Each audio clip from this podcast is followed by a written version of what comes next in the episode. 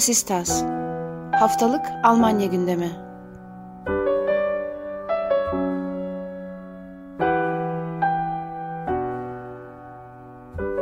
Herkese merhaba. Vasistas'ın 50. bölümüne hoş geldiniz. Ben Akın Art, Ali Sözen'le birlikte bu haftada sizler için Almanya gündemini değerlendireceğiz. Almanya gündemine ek bir de kendi gündemimiz var bu hafta. E, seslerden ve ses kalitesindeki muhtemel düşüşten de aynı zamanda tahmin edebileceğiniz üzere bu kaydı telefon aracılığıyla ve yüz yüze olarak alıyoruz. Bugün burada Berlin'de buluşmamızın bir de sebebi var. Ali ile bizim de içerisinde bulunduğumuz SAT isimli derneğimizin Berlin tanışma toplantısını yapacağız. Ali aynı zamanda derneğin genel başkanlığını yürütüyor. E, bu sebeple bu derneği de kısaca anlatmak istedik programın başında. İlk defa reklam aldık. Onu da kendi kendimize, kendi kendimizin reklamını almış olduk. Önce bu konuda istiyorsan sana söz vereyim. SAT kimdir, ne yapar konusunu bir kısaca konuşalım. Sonra gündemlerimize geçeriz. Tabii. Ee, ya bir süredir zaten üzerinde çalıştığımız bir meseleydi. Biraz bu Türkiye'den Almanya'ya yönelen son dönemde şiddeti artan göçün ve bunun gereklilikleri üzerine kurumsal bir yapıya kavuşması gerektiğini düşünmüştük. İşte bir yandan da kamuyla ilişkilerin, e, bir yandan da buradaki sivil toplumla ve diğer siyasal partilerle belki yani yönetimle ilişkilerin de yürütülmesi için, bir yandan mesleki denkliklerin alınabilmesi için vesaire. Burada aslında bizim yeni toplumumuzun e, oluşturduğu yeni fırsatların, yeni sorunların vesaire bu çözümü için bir dernek kurma işine giriştik. Zaten sen de bunun içindesin. Hı Ee, bir süredir bunun üzerine fikirler yürütüyorduk. Geçtiğimiz 29 Ekim'de de bir e, Köln'de kuruluş toplantısı yapmıştık. Orada biraz da aslında kimlerle e, beraber olduğumuzu da görmüş olduk. Yani bu e, şeyin e, toplamın kimler olduğunu görmüş olduk. Burada da bizim yöneldiğimiz insanların toplamında şöyle bir e, hedef gruplarla karşılaşmış olduk. İşte bir, bir yandan ailesiyle buraya gelen e, beyaz yaka çalışanlar, bir yandan doktorlar. Bunların da farklı farklı ihtiyaçları olduğunu, özellikle işte aileleriyle gelenlerin çocuklarının eğitimi konusunda düşünceleri olduğunu ya da topluma entegrasyonu konusunda, çalışanların mesleki dayanışma, e, biraz network kurma ve bir yandan da buradaki iş hukukunu anlama konusunda eksiklikleri ve ihtiyaçları olduğunu, doktorların da benzer şekilde mesleki yeterlilik, e, e, düzeltiyorum, mesleki denklik konusunda bazı sorunlar yaşayabildiklerini tespit etmiş olduk. Bu konuda da biz hani üç adımda ilk etapta bu grupları birbirleriyle tanıştırarak ve dayanışmalar e, ağları kurarak e, ikinci olarak da entegrasyon için çalışmalar yaparak yani buraya gelen insanların kamudan da alınacak yardımlarla beraber buradaki hayatlarını iyileştirmek. Bu dil konusunda olabilir ya da buradaki işte iş hukuku konusunda söyledik. Almanya eğitim sistemi konusunda uzmanlar tarafından ve daha doğrusu kamu çalışanları tarafından da bilgilendirme toplantıları gibisinden bir entegrasyon süreci de geçirip ve nihayetinde bir sosyal katılım amaçlayan. Bu da nedir? Bizim de aslında burada geldiğimiz zaman bir takım sorunlar yaşıyoruz. Hepimizin başından geçiyor diyelim. Ausländerbehördelerde, Behördelerde, yabancılar dairelerinde, işte oturumlarla ilgili ya da e, e, vatandaşlık geçiş süreçlerinde bazı buradaki daha önce karşılaşılanlardan farklı özellikler taşıyan sorunlar yaşayabiliyoruz. Burada da biz kendi sesimizi duyurmak, bunları da düzeltmek için yine aynı şekilde kamuyla ve siyaset mekanizmasıyla iletişim kurmak niyetindeyiz. Yani kabaca özetlersek aslında Türkiye'den e, son dönemde göçmüş olan, kendi göç hikayesi bulunan ve bunun yanında nitelikli göç tırnak içerisinde sınıfına giren, Almanya içerisinde Almanya'nın modern göç toplumu olması yönünde bu yönde katkı sağlama e, vasfında olan insanları bir araya getirdiğimiz e, bir e, dernek olmuş olacak. Şu anda da göç diye belirtmemizin sebebi de aslında belge denkliği gibi üniversite mezunlarını doğrudan ilgilendiren gündemleri de e, konumuza ettiğimiz için aslında böyle bir tanımı mecburen kullanıyoruz. Orada da bir yanlış anlamaya mahal bırakmamak için kapsamımızı böyle belirliyoruz. Yani, Onu da söylemiş Birazdan böyle bir e, oluşuma ihtiyaç duyulmasının sebebi de o. Çünkü bu anlamıyla bir göçte son 10 senedir e, ilk defa aslında bu yoğunlukta karşılaşıyoruz. Yani Türkiye'den Almanya'ya gelen özellikle üniversite mezunlarının işte profesyonellerin burada hayata adapte olması bağlamında. Dolayısıyla hani burada bir e, kurumsal boşluk olduğu için buradaki boşluğu doldurup bu insanların yani yani bizim aslında hakkımızı savunmak ve bizim için işte bir takım entegrasyon faaliyetlerini yürütme e, sebebiyle. Yani aslında e, dediğim gibi buradaki e, amacın yani böyle bir oluşumun olmasının sebebi böyle bir ihtiyaç hasıl olması esasında. dernekle ilgili de bizimle iletişime geçmek isterseniz zaten açıklama kısmı da derneğin internet sitesini de ekleyeceğiz. Hem oradan daha ayrıntılı bilgi alabilirsiniz hem site üzerinden bize ulaşabilirsiniz. Dilerseniz Vasistas üzerinden de bize ulaşabilirsiniz. Evet. E, Vasistas da aslında Türkiye'den gelen göçmenlerin buraya siyasi entegrasyonuna katkı sağlamaya çalışan bir proje. Bizim birkaç senedir yürüttüğümüz. Bu şekilde özetlemiş olalım buluşma amacımızı. Ses kalitesinde bir sorun varsa da bu sebepten dolayı şimdiden özür dilemiş olalım. Bundan sonrasında mikrofonla normal kayıtlarımıza devam edeceğiz. Ve istersen ilk gündemimize geçelim. İlk gündemimiz şu an bulunduğumuz şehirle alakalı. Berlin'de yıllar sonra bildiğiniz gibi bir CDU hükümeti kuruldu. E, SPD'nin de kısmi desteğiyle üyelerinin bir kısmının buna karşı çıktığını ve ciddi bir tartışma yarattığını biliyorduk bunun. Yeni belediye başkanı da, belediye başkanı diyelim anlamak evet. lazım. Yeni belediye başkanı da Berlin seçilmiş oldu. İstersen bununla başlayalım ilk gündem olarak. Bu konuda tabii seçim döneminde çok fazla yayınlarımızda aslında bahsetmiştik. CDU'nun yürüttüğü seçim kampanyasının aslında biraz daha göçmenleri e, rahatsız eden e, bir dil üzerinden yürüdüğünü e, tespit etmiştik ve bu çok ciddi anlamda genel olarak da SPD içerisinde de rahatsızlık yaratmıştı. Bir de Berlin Ancak, çok bunun tersi bir şehir olduğu için evet, iyice herhalde. E, ve hani kimliği de buradan kurulduğu için sadece sayısal olarak değil bir de üstüne kimliğini de Berlin özellikle çeşitlilik ve birliktelik kültürü üzerinden kurduğu için e, önemli bir yanı vardı. Tabii CDU'nun tutturduğu dil bunun tam tersiydi. O yüzden biraz şaşkınlık da yaratmıştı. Ama nihayetinde ortaya seçimden sonra bir senato aritmetiği çıktı. Bu senatonun içerisinde de kurulabilecek hükümetler belliydi.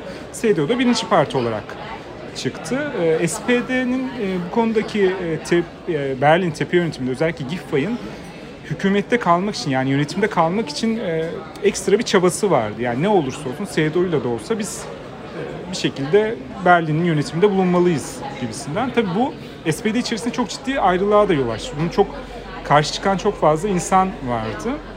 Ve nihayetinde bir e, üye e, temayül yoklaması diyelim yapıldı. E, ve buradan da çok fazla karşı çıkan olmasına rağmen %52 ya da %54'lük bir üyelerin e, bu e, kurulacak hükümete desteği ortaya çıkmış oldu. Tabi bu görece düşük bir destek ama nihayetinde çoğunluğu sağladığı düşünülerek e, bu Berlin Tepe Yönetimi bu bu hükümete dahil olmuş oldu ve hükümette geçtiğimiz günlerde kuruldu. tabii ki şimdi ilk iki oturumda mecliste salt çoğunluğu sağlaması gerekiyor e, başkan adayının. Bunu sağlayamadı. Aslında CDU ve SPD oylarını topladığımız zaman sağlaması gerekiyordu. Ama sonra şöyle bir şey ortaya çıktı. SPD'den verilmeyen oyların esasında e, partinin gerçekten o temayül yoklamasında e, hayır oyu verenler şeklinde bir temsiliyet oldu. Yani orada kimler olduğunu bilmiyoruz ama sanki öyle bir tutum takınılmış gibi. Yani %50'lik bir kısım bu hükümeti destekledi. İşte CDU'nun tamamı destekledi. E, SPD'den %50'ye denk gelecek aşağı yukarı e, e, senatör e, bu hükümeti desteklemiş oldu. Dolayısıyla ilk turda seçilemedi. İlk, ilk iki turda dediğim gibi salt çoğunluk aranıyor. Üçüncü turda ise en çok oyu alan aday seçiliyor. Şimdi e, üçüncü turda seçileceği bilinerek tabii ki böyle bir tutum takılmış oldu SPD. Tabii buradan e, AFD hemen bir pozisyon aldı. İlk iki turda destek olmayıp 3. turda aslında salt çoğunlukla seçilecekken bu hükümet AFD tüm oylarını bu hükümete vermiş oldu ve aslında bizim oylarımızla seçildiğiniz gibi bir yine AFD için bir politik alan açmış oldu. Yani biraz aslında çocuksu da geliyor bu e, söylemler ama tabii bu yine de Almanya gündeminde konuşulmaya başlandı veya ciddi anlamda. AFD'nin normalleşmek ve Almanya siyasetinde normal bir figür haline gelmek bir süredir stratejisinin temelini oluşturuyor zaten. O anlamda da evet yani bir yandan çocukça gelebilir ama sembolik bir anlamı olduğunu ve aslında o stratejiyle de tutarlı bir hamle olduğunu belki söylemek gerekirse. Evet yani bir şey Thüringen'deki se- e, eyalet seçimlerindekine benzer bir tablo olduğunu iddia edenler ve onu gibi AFD oylarıyla seçilen başkanın istifa etmesi gerektiğini söyleyenler oldu ama burada aynı durumda değiliz. Orada üçüncü turdaki çoğunluğu e, zamanında FDP'nin adayı direkt 5 kendi 5 oy olmasına rağmen direkt AFD oylarıyla sağlamıştı. Burada böyle bir durumla karşı karşıya değiliz. Yani şeyi söylemek lazım. Farkını e, dile getirmek lazım. Yani burada AFD'nin yaptığının e, aslında buradan bir e, meşruiyet değiştirmek ya e, devşirmek ya da e, o gayrimeşruluğun e, artık ötesine geçmek anlamında bir yaklaşım olduğunu söylemekte fayda var. Ama nihayetinde seçilmiş oldu e, hükümet e, ve burada seçildikten sonra da tabii e, özellikle işte sena, e, şey yapılan senatörler e, işte bakanlık görevini yürütecek e, senatörler ya da e, yüksek idari pozisyonların biraz daha aslında SP'nin istediği doğrultuda işte göçmenlerin de e, katıldığı, kadın oranının yüksek olduğu bir e, şekilde kurulduğunda söylemekte fayda var. Bu da eleştirildi. Hani siz göstermelik bir e, durum yapıyorsunuz gibisinden ama bunu da belirtmemiz gerekir. E, şunu da istiyorsan daha önce konuştuğumuz bir konu aslında ama başka mevzularla da bağlandığı için altını çizmiş olalım. Bir süredir hem partilerin liderliğinde, örneğin partilerin tepe adaylarıyla, başbakan adaylarıyla genel başkanların farklı toplamları olması. Bunu hem Yeşiller'de görüyoruz hem SPD'de görüyoruz vesaire. Bir ikililik, ikili iktidar denmez belki biraz abartılı olur ama bir tür ikililik, ikili yönetim olduğunu görüyoruz. E, burada da yani SPD üyelerinin yarıya yakınının aslında bu hükümeti istemediğini ve bu kompozisyonun da desteğe yansıtıldığını ve böyle bir şekilde e, yeni hükümetin kurulduğunu biliyoruz. Bunun başka örnekleri de var. Bu ileride Alman siyaseti için nasıl bir tablo ortaya çıkarabilir sence? Yani bunun başka örnekleri de Hamburg'da görüyoruz mesela vesaire. Ya bunu e, yakın zamanda bence evet Hamburg örneği çok önemli. Orada da geçtiğimiz e, günlerde bir Yeşiller e, eyalet milletvekili Sol Parti'nin önerdiği özellikle NSU e, cinayetinin araştırılması için bir araştırma komisyonu kurulması önerisine destek verdiği için yani evet oyu verdiği için partiden e, ihraç edilmedi ancak işte parti görevlilerinden el çektirildi diyelim. Şimdi burada da şey e, yani Sol Parti'nin e, çok meşru bir önerisi var. O kişi olarak e, vekil de demiş ki evet bence de e, çünkü bu aslında Yeşillerin politikasıyla uyumlu yani NSO cinayetlerinin soruşturulması Yeşillerin de programında yer alan bir şey ama Sol Parti önerdiği için e, oradaki fraksiyon desteklememiş ama oradaki kişi vekil olarak bunu desteklemiş. Ve dolayısıyla sonrasında da bedelini ödemiş oldu. Şimdi burada e, bu tabloda şöyle bir durum görüyoruz. Daha önce e, geçtiğimiz aylarda yine bu Lützerat'taki e, maden meselesini konuşurken orada da bir takım vekillerin e, bu oradaki köyün ortadan kaldırılmasına evet oyu verip Evet. ondan sonra gidip de köyde eylem yaptığını yani tam tersi e, tutum aldıklarını görmüştük. Bu da çok garipsenmişti. Onlardan bir tanesi de verdiği bir röportajda şunu söylemişti. Yani parti disiplini ayrı bir şey, benim kişisel görüşüm ayrı bir şey. Şimdi bu da şu yandan komik oluyor elbette. Ya bu e, SPD meselesini gördüm. Şimdi işte %50 kısım evet vermiş gibi şey. Yani buradan ben onu çıkardım. Çünkü hani milletvekillerini tek tek sorsak belki de yine bu hükümete destek çıkmayabilirdi. Ama orada onu yansıttık falan gibisinden bir şey ortaya çıkıyor. Şimdi bunun bence Alman siyaseti için e, yaratacağı sonuç şudur. E, vekillerin kişisel fikirlerin ya da politik görüşlerinin önemsizleşip partilerin işte blok oy kullanması haline geliyor. Ya da işte atıyorum temel yoklamasına göre oy kullanması. Ya atıyorum bizim e, üyelerimizin %50'si şunu dedi. Biz o zaman %50'lik bir vekil oranında bu e, şeye öneriye evet diyelim falan. Şimdi bu şuna yol açabilir. Birincisi bizim zaten e, demokrasi sisteminde yani cumhuriyetlerin kuruluşunda parlamentonun çok önemli bir yeri var. Dolayısıyla parlamentodaki her vekilin de fikirleri ve temsiliyetleri çok güçlü.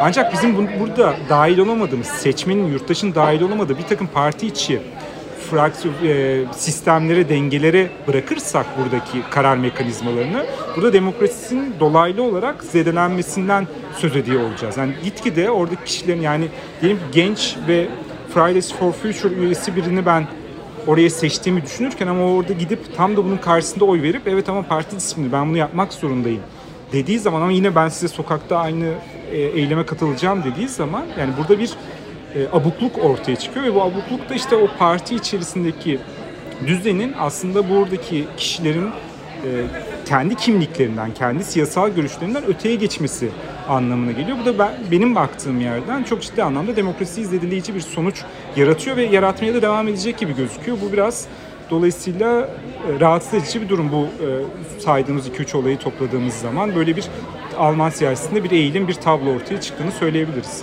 Evet, gerçekten anlamsızlaşmaya başladığımız zaman zaman neredeyse parti üyelerini görüyoruz bu konularda.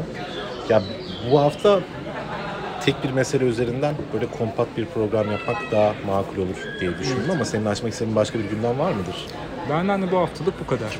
O zaman birkaç hatırlatma yapalım. Birincisi bildiğiniz gibi yurt dışında oy kullanma süreci başladı. Almanya'da da başladı. Her yerde değişiyor elbette fakat çoğunlukla bulunduğunuz şehirlerdeki konsolosluklardaki sandıklarda kullanmanız mümkün.